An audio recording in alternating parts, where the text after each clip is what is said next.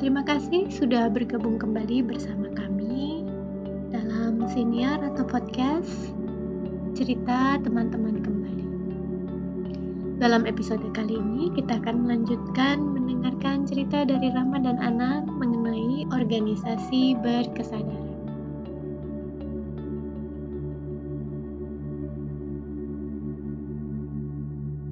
Ngomong-ngomong kalau ada Net Promoter Score mungkin atau Employee Satisfaction uh, apa uh, uh, matrix begitu di luar uh, reimbursement atau number of absenteeism gitu sempat dilakukan kah?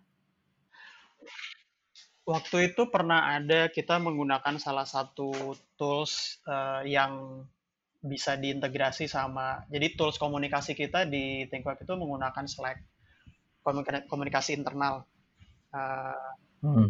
Ada salah satu platform yang dia bisa diintegrasi ke Slack dan kemudian pertanyaannya atau surveinya tuh dilakukan di situ gitu. Waktu itu pernah kita hmm. kita pakai, uh, tapi nggak nggak apa ya nggak berlangsung lama juga. Tapi beberapa kali kayak misalnya habis bikin kegiatan, so habis itu kita bikin surveinya, kita jalanin di situ gitu. Jadi uh, pengukuran itu juga memang ada yang uh, walaupun ya sayangnya nggak nggak konsisten ya. Uh, ada ada masanya kita mengukur tapi terus kemudian habis itu uh, nggak dilanjutin gitu.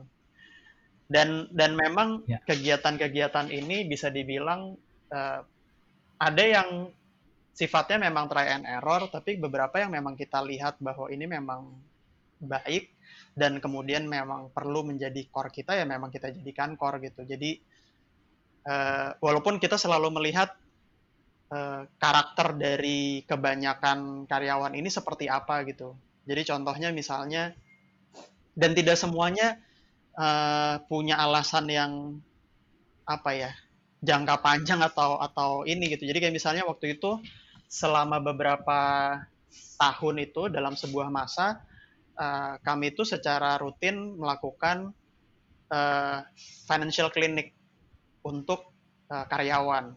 Jadi uh, mereka ada financial check up, terus kemudian ada support uh, terhadap uh, ini uh, apa financial planning mereka gitu, financial management dan itu kan sifatnya sebenarnya pribadi. Tapi kenapa sih waktu itu kita munculin karena uh, dasar idenya sih gini bahwa kalau ngomongin uang itu kan nggak pernah cukup gitu ya. Jadi uh, kalau ngomongin gaji kalau uang terus kemudian menjadi sebuah gaji gitu ya kan itu nggak pernah cukup gitu. Daripada karyawan merasa bahwa tidak pernah cukup dan kemudian menuntut ke perusahaan menurut kami lebih baik diajarin aja cara manage-nya gitu. Diajarin cara mengaturnya sehingga mereka bisa uh, me merasa cukup dan kemudian uh, apa harapannya adalah kemudian tuntutan untuk naik gaji uh, tidak datang gitu. Apakah tidak datang? Tentu saja tetap datang gitu. Cuman, cuman apa? Uh, tapi kan paling tidak. Jadi waktu itu kan salah satu yang ingin kita bangun adalah uh, mendukung security dari apa keamanan ke, ke keamanan dari sisi ekonomi gitu ya dari setiap karyawan yang ada gitu. Jadi itu yang salah satu yang kita kita lakukan waktu itu. Cukup itu bagian dari konsep dasar juga dari berkesadaran. Bagaimana ya kita merasa cukup bahwa semuanya sudah dicukupkan, semuanya sudah disiapkan, tinggal diiterasi. Cuman antara tinggal dan harus diiterasi itu kadang-kadang berbeda juga. Nah, uh, meskipun kata berkesadaran atau mindfulness itu memang orang cenderung uh, merelate dengan well-being dan sebaliknya gitu, tapi uh, Menarik nih Kak, kita pengen dengar juga dari Ramadan Anan. Uh, waktu itu kenapa bisa kepikiran mindfulness atau berkesadaran? Apakah sebelumnya sudah pernah, lalu pikir, "Oh ya, ini baik," gitu, atau justru kayak, "Oke, mari kita coba," gitu, karena ini kelihatannya, uh, menjadi sesuatu yang, uh, bisa diimplementasikan dan apakah setelah dicoba sesuai dengan ekspektasi atau, uh, Gimana pengalamannya waktu itu? Uh, awalnya adalah consciousness.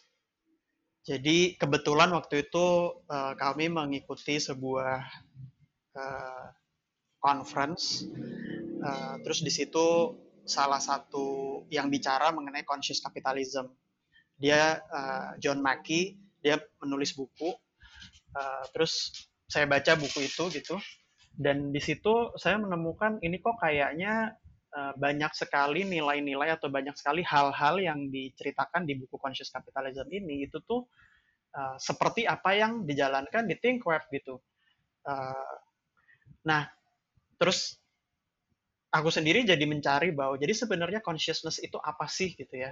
Uh, nah terus lupa sebenarnya waktu itu dari dari mana gitu ya nyangkutnya tapi kan dengan Mas Ivan ada beberapa ada beberapa hal beberapa kesempatan yang kita suka suka uh, bertemu diskusi dan lain-lain. Dan kemudian akhirnya mungkin ada ada ada kata atau ada kalimat yang memicu itu gitu yang kemudian waktu itu terus uh, aku ngomong sama Mas Ivan bahwa pengen tahu lebih jauh. Dan mungkin dari situ awalnya dari semua dan kemudian kita bikin sesinya dan dan seterusnya gitu itu hmm. sih dan setelah dijalankan dan dicoba apakah ada ditemukan perubahan kesulitan challenges uh, kalau terus terang ya, ini ketika bicara soal berkesadaran, uh, sepertinya saya pun sebagai pribadi itu masih dalam proses yang menurut saya prosesnya masih sangat panjang gitu. Jadi, uh, memang, latihan-latihan kan sudah kami lalui, kita tuh sejak tahun berapa ya, aku lupa 2017, 18. Uh, tapi memang, uh, apa namanya, kalau di Think Web itu kita memang mencoba untuk Sparks paling tidak ada gitu ya. Jadi uh, seperti yang Rama bilang, sekarang kita lagi punya setiap hari Senin itu memang uh, kayak waktunya untuk uh, punya jadi punya waktu untuk uh, barengan gitu ya. Selama setengah jam kita bilangnya hadir uh, sadar berada uh, session gitu sesi khusus untuk itu. Uh, tapi juga memang kalau secara uh, pribadi sendiri, uh, saya masih merasa bahwa uh, ini benar-benar perlu kesadaran sendiri juga gitu ya. Maksudnya uh, saya ada di sisi di mana memang ada saat kayak setiap hari gitu saya memang melakukan prosesi uh, uh, ada meditasinya gitu. Tapi ada hari-hari di mana benar-benar kayak nggak mau aja gitu tiba-tiba out of the blue tapi kan lagi nggak mau nggak mau nggak mau nggak mau gitu. Jadi memang ini kayak bisa dibilang struggle yang terjadi terus-terusan. Bukan struggle ya apa ya mungkin ini jalan yang memang harus dilalui dalam masa-masa pelatihannya gitu. Dan uh, kalau boleh cerita pengalaman pribadi sih tahun 2020 itu salah satu tahun yang paling berat, terutama untuk saya dari sisi balancing antara bisnis dan juga uh, pribadi gitu ya. Jadi bisnisnya juga saat tahun 2020 kemarin tuh benar-benar bikin deg-degan gitu, yang sampai uh, saya nggak bisa makan, saya nggak bisa tidur, itu dalam waktu satu bulan, dan itu benar-benar uh, ternyata meditasi itu membantu saya pada saat itu. Jadi benar-benar sehari itu saya bisa meditasi dua kali, dua kali, dua kali. Tapi karena itu terlalu intens waktu itu sepertinya saya lakukan, uh, terus dalam waktu tiga bulan itu benar-benar tiga bulan saya rutin banget dua dua kali dua kali dua kali tapi, uh, dua bulan terakhir ini kayak sayanya capek gitu. Jadinya lagi lagi off, lagi dalam period yang iya tahu mau balik lagi, cuman lagi mencari caranya untuk balik lagi gitu. Tapi memang ketika saya mengalami masa yang sangat saya bilangnya kelam ya waktu itu itu tuh memang membantu saya untuk jadi lebih waras gitu. Jadi membantu saya untuk bisa nafas lebih lega, bisa uh, berpikir lebih jernih dan kayak mulai lagi gitu. Itu uh, apa namanya? Jadi memang memang, uh, membantu kondisi, cuman pada satu saat juga mungkin nggak tahu ya kayak mungkin terlalu intens waktu itu terus kayak butuh untuk jeda dulu dan ini sekarang lagi berusaha untuk mulai lagi gitu. Nah, kalau di kondisi kantor sendiri yang memang lagi itu tadi yang lagi kita mau coba sepertinya adalah memang pelan-pelan untuk memulai lagi habitnya gitu karena menurut saya juga memang kebiasaannya yang perlu dibangun ya sepertinya. Iya iya. Ada proses habit building sih memang di di latihan ini. Dan, uh, keren banget udah bisa dua kali sehari, tiga bulan. Iya, tapi habis itu off. Ya ya, ada waktunya juga, uh, biasanya, uh, off sampai ya memang up and kalau boleh disebut up and down memang ada up down. Masih kebiasaan di yang tadi yang tadi Anan cerita itu uh, masa di mana memang di 2020 kemarin tuh emang bener-bener jadi waktu yang bikin kita drop banget uh, dan ternyata kita juga punya beberapa pengalaman-pengalaman kegiatan-kegiatan yang apa uh, berkaitan dengan dengan mindfulness gitu. Uh, karena kami sebelumnya juga udah pernah pernah ada sesi-sesi bareng sama uh, Siska dan Mas Evan juga kan. Jadi sebenarnya bukan jadi hal yang asing gitu ya. Jadi makanya tadi Anan cerita Anan bisa kemudian uh, mencoba atau jadi jadi punya kegiatan rutin dalam meditasi dan lain-lain. Karena memang sebelumnya udah udah pernah kenalan gitu ya. Nah itu juga yang kemudian dimulai tuh uh, jadi kebiasaan. Karena kami sendiri merasakan akibatnya, uh, kami jadi lebih tenang, uh, terus menyadari hal-hal ya ada banyak lah, ada banyak apa ya kalau mau dibilang temuan-temuan gitu ya atau mungkin perspektif baru atau apa pun itu gitu. Kayak misalnya uh, ternyata hal yang kami jalani atau dalam hal ini saya gitu ya ternyata hal yang yang saya alami di di tahun ini di tahun 2020 itu tuh uh, adalah akibat dari kemudahan yang diterima gitu. Jadi kalau bicara mengenai uh, pelajaran, pelajaran itu ternyata datang dari dari sebuah kemudahan dan juga dari kesulitan gitu.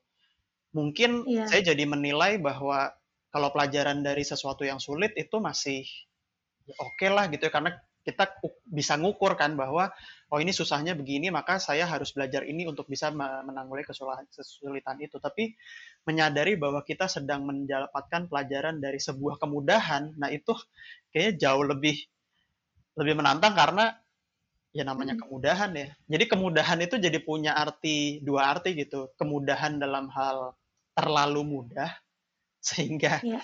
akan menjadi sulit nantinya atau kemudahan memang diberikan uh, uh, hal yang mudah gitu. Nah itu yang kemudian terus uh, uh, hal-hal itu dan kebiasaan dan dan ada kegiatan yang ngebantu kita yang terus kita pengen ini kayaknya kalau misalnya uh, dijadikan kegiatan rutin uh, akan jadi baik gitu dan paling tidak kami juga punya waktu yang meng mengharuskan atau menjaga kami supaya punya si rutinitas uh, itu tapi kalau aku sendiri, aku sendiri memang uh, udah udah cukup lama sih beberapa tahun belakangan mungkin 2-3 tahun belakangan itu memang uh, me menyempatkan untuk silent sitting dengan cara setiap pagi gitu uh, di diselipkan di antara rutinitas gitu uh, sholat subuh silent sitting terus baru latihan uh, yang lain latihan olahraga gitu. Tapi pendek. Uh, waktu itu sempat makin lama makin panjang gitu tapi uh, apa ya masih merasa kayaknya latihan olahraga yang membuat saya jadi lebih waras gitu. Jadi jadi waktunya dibatesin bahwa uh, ya udah silent sittingnya cukup segini aja lima uh, menit aja gitu tapi yang penting dijalanin dan dijadikan rutinitas. Tapi ternyata kan di saat kita itu kok kayaknya di saat saya bilang bahwa saya ini sedang sadar jangan-jangan saya sebenarnya tidak sadar ketika saya ngomongin itu gitu loh. Atau sebaliknya gitu ketika saya bilang saya tuh nggak sadar tapi justru saat itulah uh, saya sedang berkesadaran sebenarnya gitu. Jadi ada masanya di mana yang ini udah kayak nggak ada rasanya kayak jalanin kayak nggak nemuin artinya aja. Jadi cuman jalanin rutinitas gitu.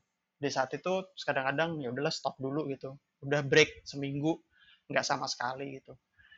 Nah, ada juga yang kadang-kadang yang ya udahlah jalanin jalanin aja hanya untuk checklist gitu. Tapi uh, aku menganggap paling tidak uh, paling tidak menyadari bahwa hari ini hanya menjalankan checklist gitu. Dan uh, mudah-mudahan besok tidak hanya sekedar tidak sekedar hanya checklist gitu. Ya kan dari semua proses yang dilakukan nggak semuanya uh, berjalan sesuai sama harapan. Itu sih. Iya. Iya iya.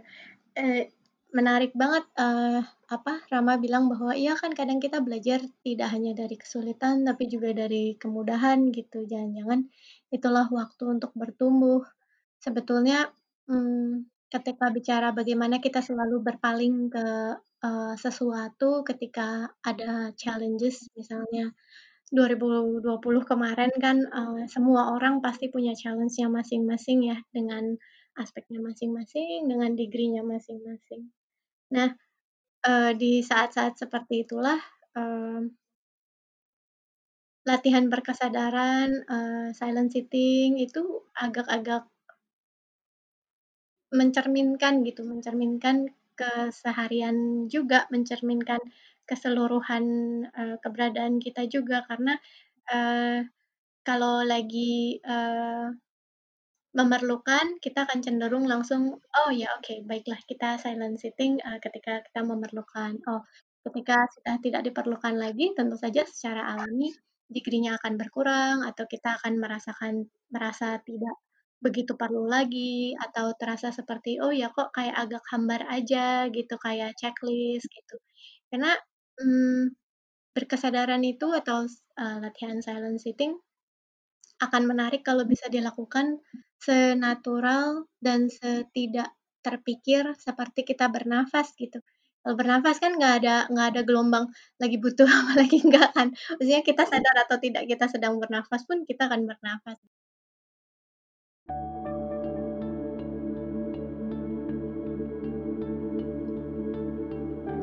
Baik, saatnya berjeda sebentar. Kemudian kita akan ikuti kembali cerita dari teman kembali Rama dan Ana.